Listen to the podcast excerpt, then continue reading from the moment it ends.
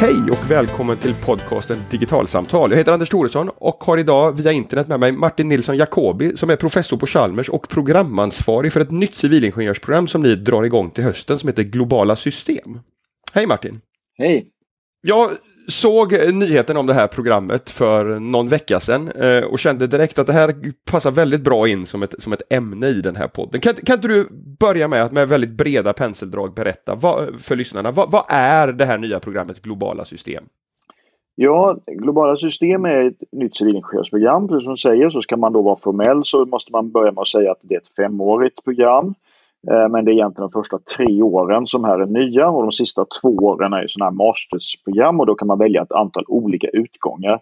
Men när vi säger globala system så menar vi ingången, alltså de första tre åren till, fram till kandidatexamen.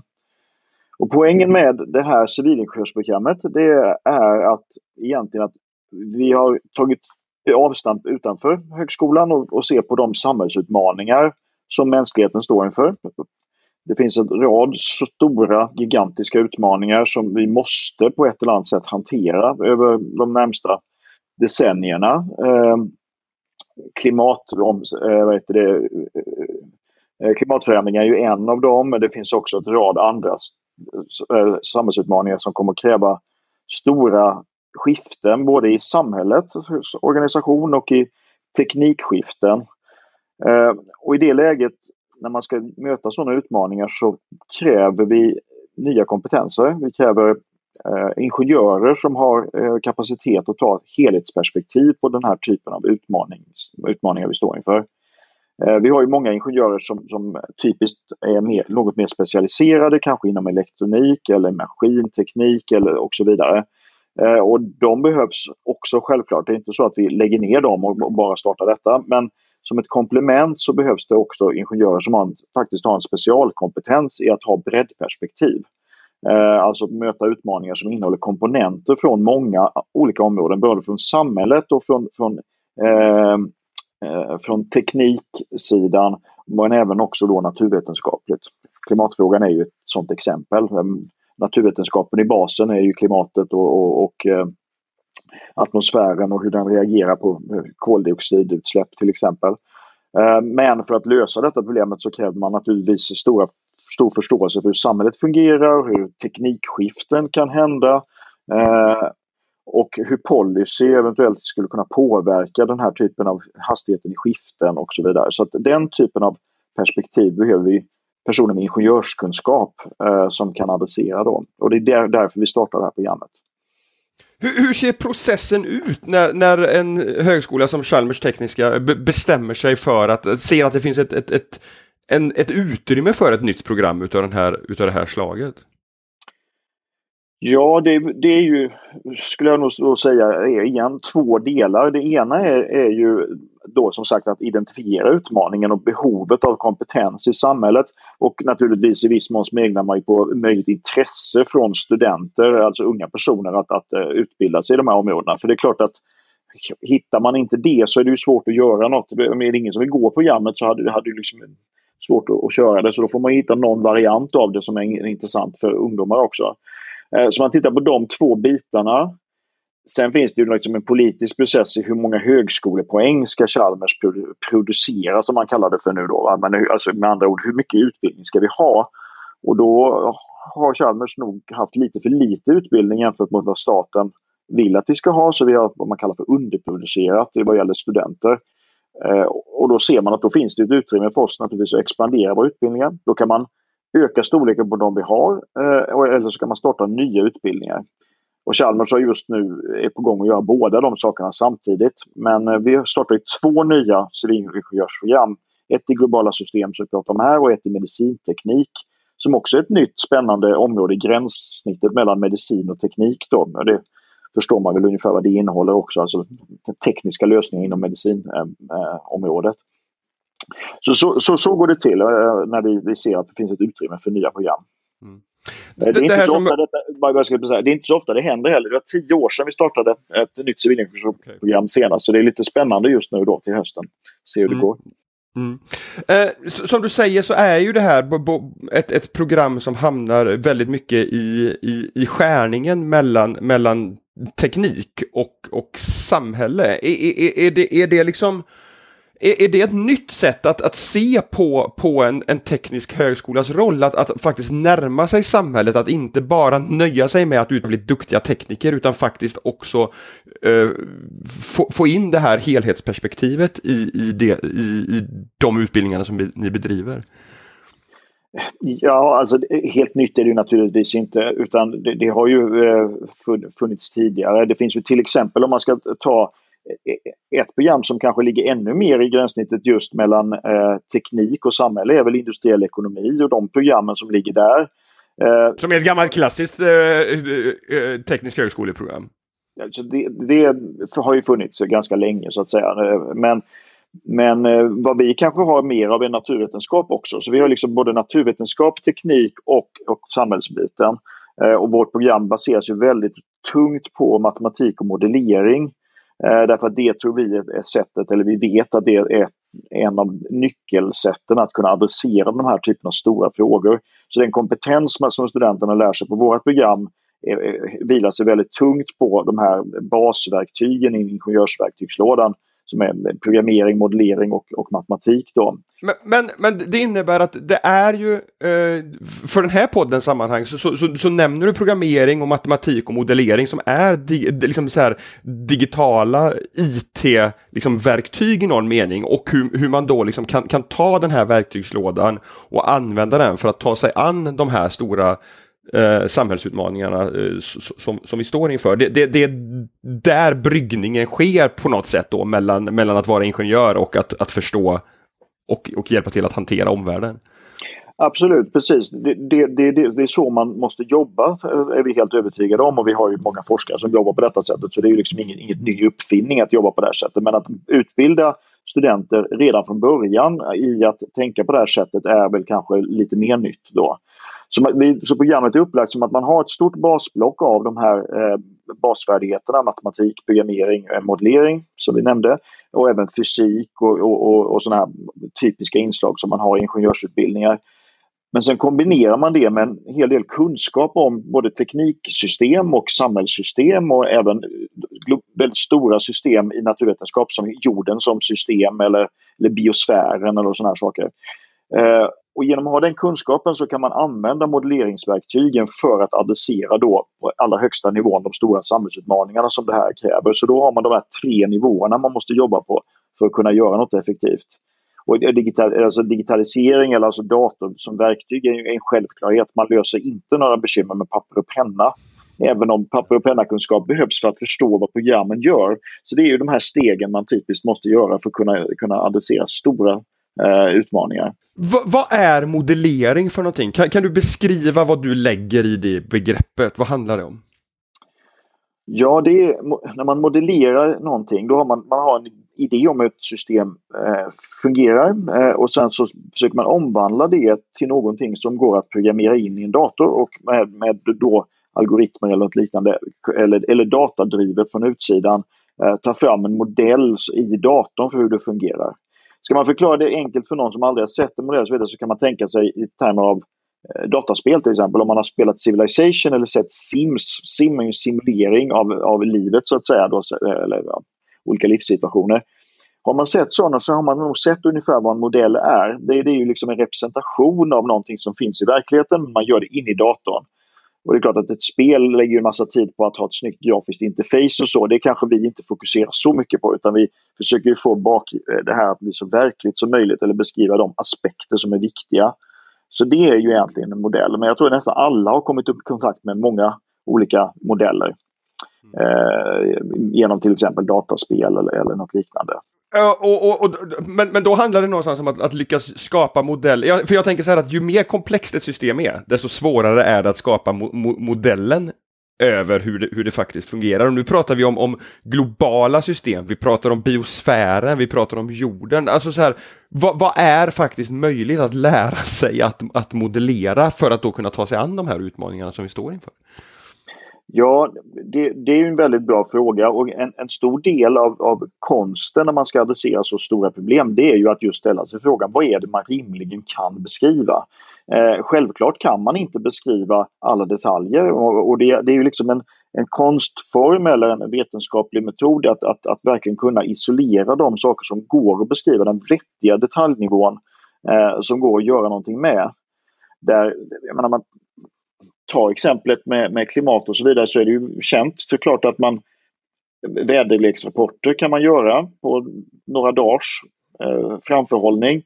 Eh, och från det kan man tänka att det är fullständigt omöjligt att säga någonting om klimatets utveckling. Men det är inte riktigt sant därför klimatet är, är då ett medelvärde av, av, av man bryr sig ju liksom inte om om det regnar en viss tisdag när man ska försöka förstå hur det stora vädersystemet utvecklas över tid. Eh, så ibland kan det vara lättare att ha väldigt stora komplexa system om man, om man ställer rätt frågor till dem. Eh, man, jag menar, för att ta ett mycket mer extremt exempel så kan man ju säga att man kan förstå hur jorden snurrar runt solen utan att förstå alla detaljer i hur jorden ser ut och bergskedjor och allt möjligt sånt där. Självklart. Eh, ibland så går det ju så att säga vad kallar för reducera systemet till att vara enklare i sin beskrivning. Men många av de här utmaningarna går inte att reducera så jättemycket utan de blir ganska komplexa de modeller man har och då är det verkligen en en stor kompetens som behövs för att förstå hur man kan sätta ihop de här modellerna, hur man kan verifiera att de verkar fungera, hur man kan bygga upp en vetenskaplighet i att man, man får pålitliga eh, modeller eh, i, i sådana här stora system. Så det är svårt. Och jag, jag tror ja. att svara, man kan inte svara på frågan hur långt man kan komma. Det där är ju pågående forskning hela tiden och, och de här ingenjörerna vi utvecklar kommer naturligtvis att vara en del i att utveckla den här förståelsen. Och eh, kanske formulera om problemen också för den delen eh, så att de blir mer adresserbara. När jag har skrivit och gjort intervjuer om, om, om digit, eh, digitaliseringen i, i, i, industri och näringsliv så, så, dyker det ofta upp liksom resonemang om, om att det finns en, en, en grundlägga, underliggande teknikutveckling som handlar om snabbare processorer, snabbare uppkopplingar, billigare lagringsutrymme, bättre artificiell intelligens som är någon slags de här byggstenarna som gör att vi nu ser en väldigt liksom, accelererande tillämpning utav, utav teknik på många olika ställen i näringslivet och offentlig sektor också för den delen. Det måste ju vara liksom precis samma byggdelar som, som lägger grunden för att ett sånt här program egentligen ska vara möjligt att, att sjösätta också på något sätt, tänker jag. Absolut, eh, det, är också sant. Det hade ju sig säkert kunnat göras redan för tio år sedan. Men det är klart att, mm. att med den, den, den exponentiella teknikutvecklingen som man ser så blir det ju allt mer aktuellt. Det, det går ju att, att, att, så att säga adressera svåra och svåra problem samtidigt som det naturligtvis eh, kräver mer och mer eh, noggrannhet när man implementerar. För det naturligtvis blir lättare och lättare att bygga större och större modeller men det betyder inte nödvändigtvis att de blir bättre om man inte gör det på rätt sätt. Uh, och det, och det, så att jag tror att när teknikutveckling, lagrings, eh, lagringskostnad, CPU-hastighet och så vidare och, och, och, och, tekniker där man rör sig till eh, grafikprocessorer och alla de här sakerna som ger mer beräkningskapacitet är jättebra men de måste också matchas med ökad förståelse på, på modelleringssidan och på mjukvarusidan och så vidare. Annars fungerar inte det. Det går inte bara att naivt skala upp hastigheterna. Uh, Nej, för den, den, grundläggande underliggande förståelsen för, för systemen må, måste ju till också. Det är bara det att man med de här nya verktygen får en möjlighet att, att modellera och simulera dem på en mer detalj, detaljerad nivå. Absolut. Uh, och sen är det klart man ska inte glömma bort den andra sidan också, den enorma datagenerering som man har möjlighet till att göra också. Så det, och det skapar ju också en helt nytt sätt att se på modeller för att Tidigare så kanske man kalibrerade dem mot ett par observationer och så vidare. Nu kan man då kalibrera mot miljontals eller ibland miljarder inputdata.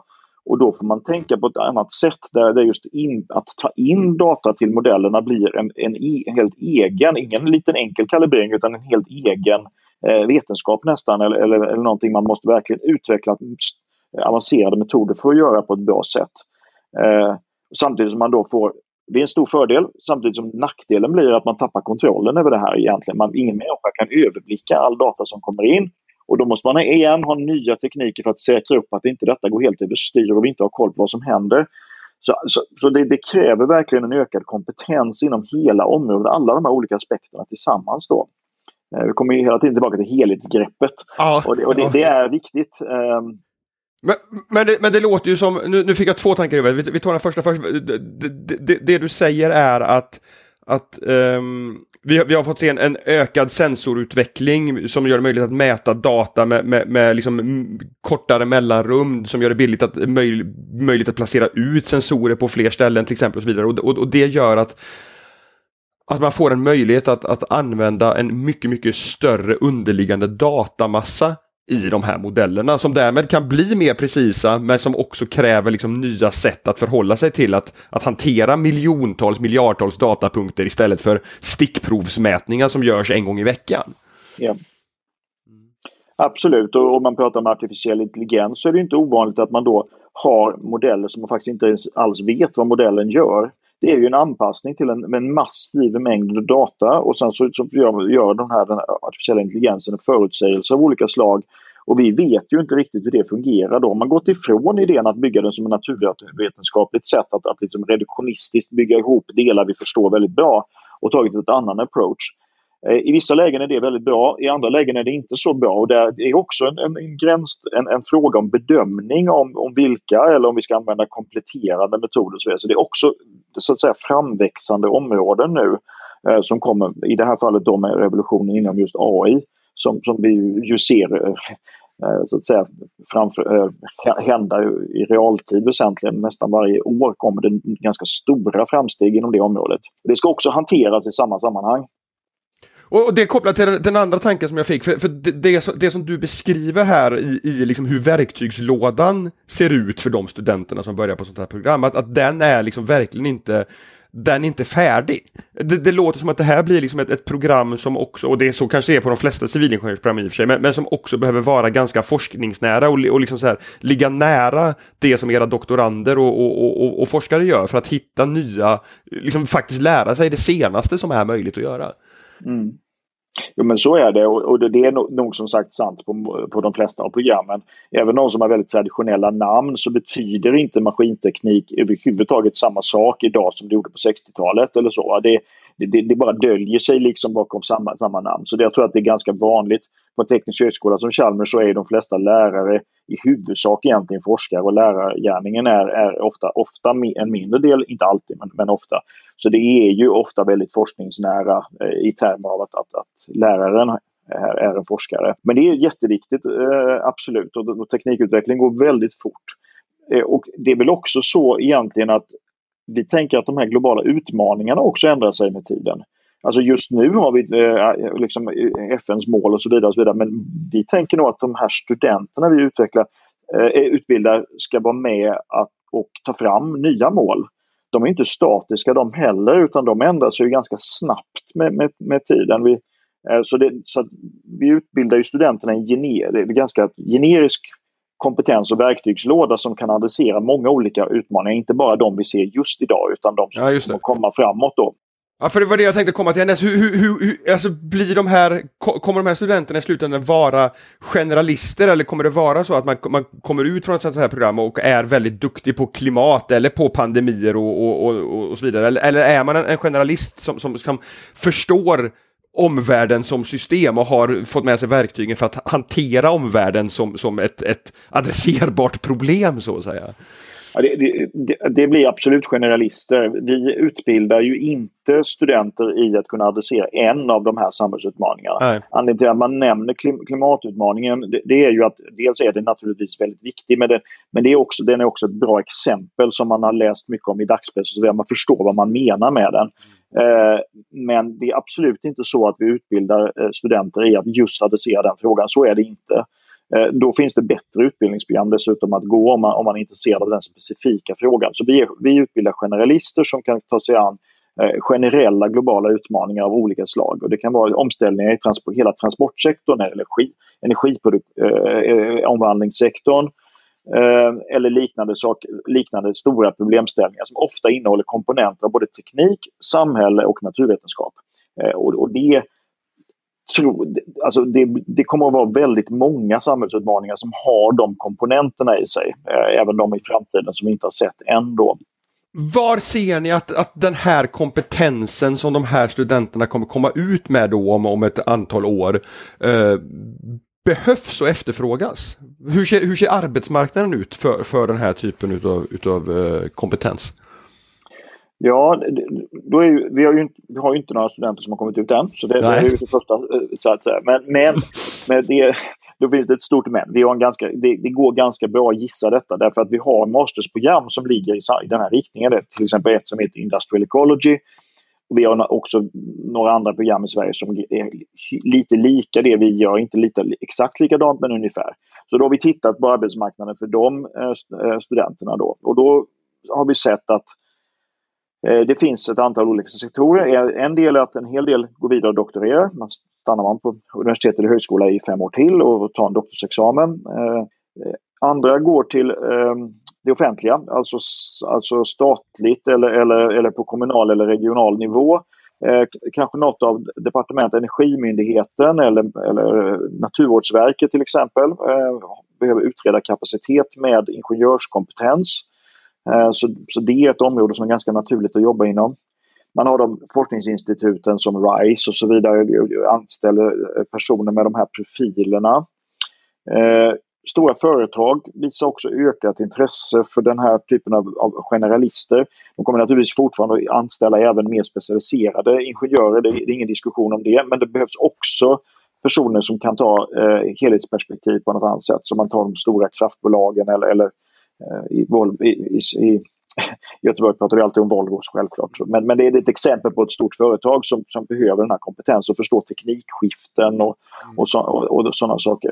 Men det finns också... Och som i väldigt, och som i väldigt stor utsträckning också är en del utav ett, av ett system som de har ett allt större behov av att förstå.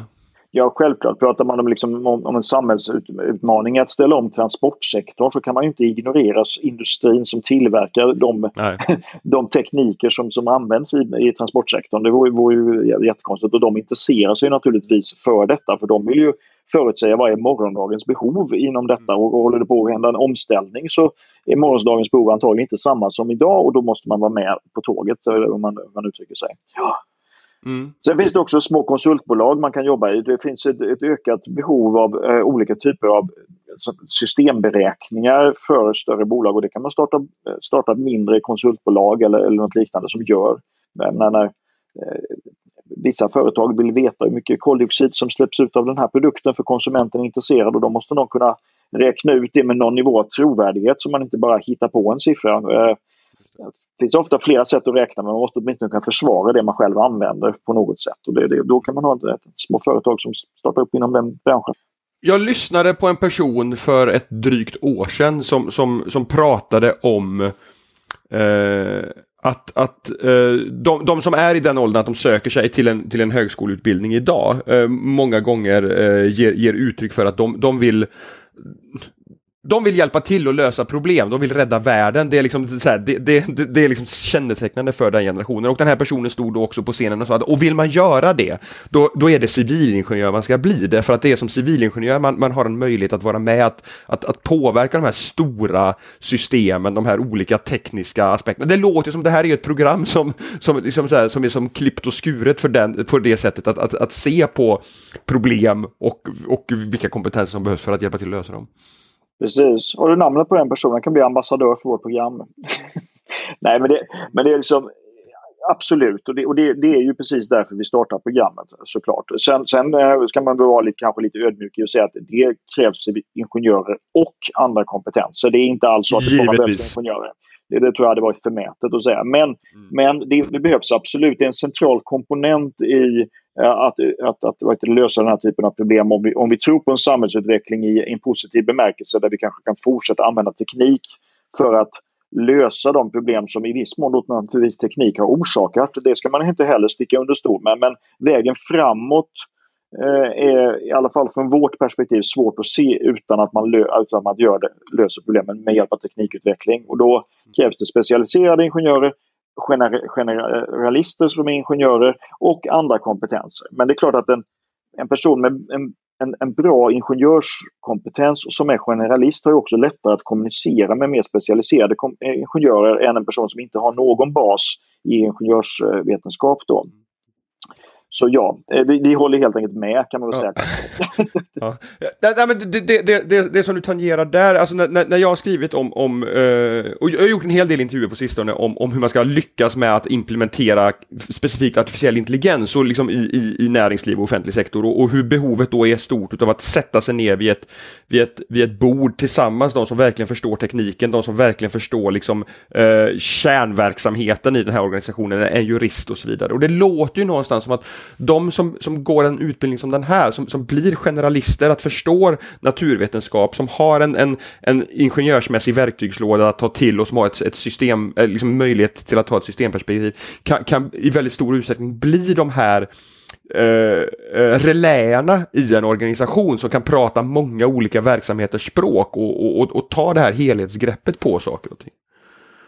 Ja men precis, det, det, det är det jag så att säga kanske uttryckte mig lite otydligt men försökte säga med att det är lättare att kommunicera med ingenjörer om man själv har ingenjörsbas samtidigt som man naturligtvis har interfacet upp mot att förstå samhällssystem, ekonomiska, alltså den typen av systemtänkande som många andra eh, utbildningar har då. Så att det, så jag håller med helt om att en trolig, trolig arbetsprofil för de här personerna är också att, att jobba i den typen av projektteam och då hjälpa till och eh, både översätta och, och, och, och, hjälpa till med att ha en helhetsförståelse i de lägena.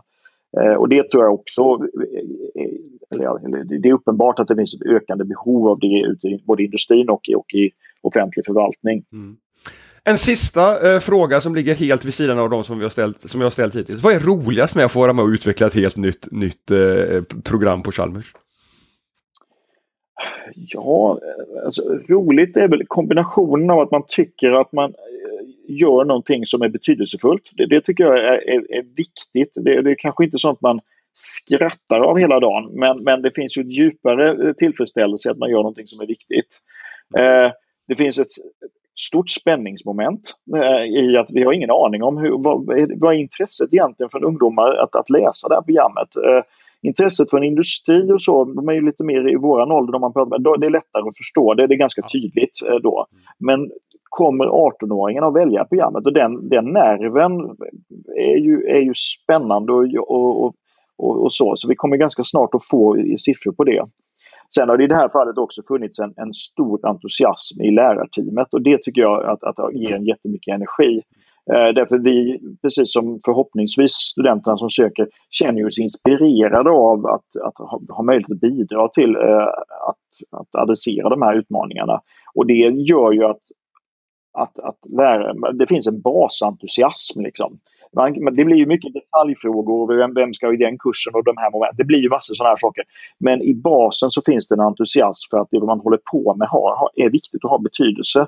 Och vi delar liksom eh, delar den uppfattningen. Eh, jag vet inte om man ska använda ordet värdegrund, men, men, men, det finns ju liksom en, en, gemenskap i att man tycker att, att programmet som helhet är viktigt och därför vill man bidra till det och kan kanske tumma lite grann på sin egen käpphäst om sin egen favoritekvation eller vad det nu kan vara för helhetens skull. Och det, det, det känns som en väldigt positiv känsla tycker jag. Och har man lyssnat på det här och, och, och, tycker att det här låter som ett intressant program och är i den åldern, då går det att söka till det här, det här programmet redan till höstterminen 2020?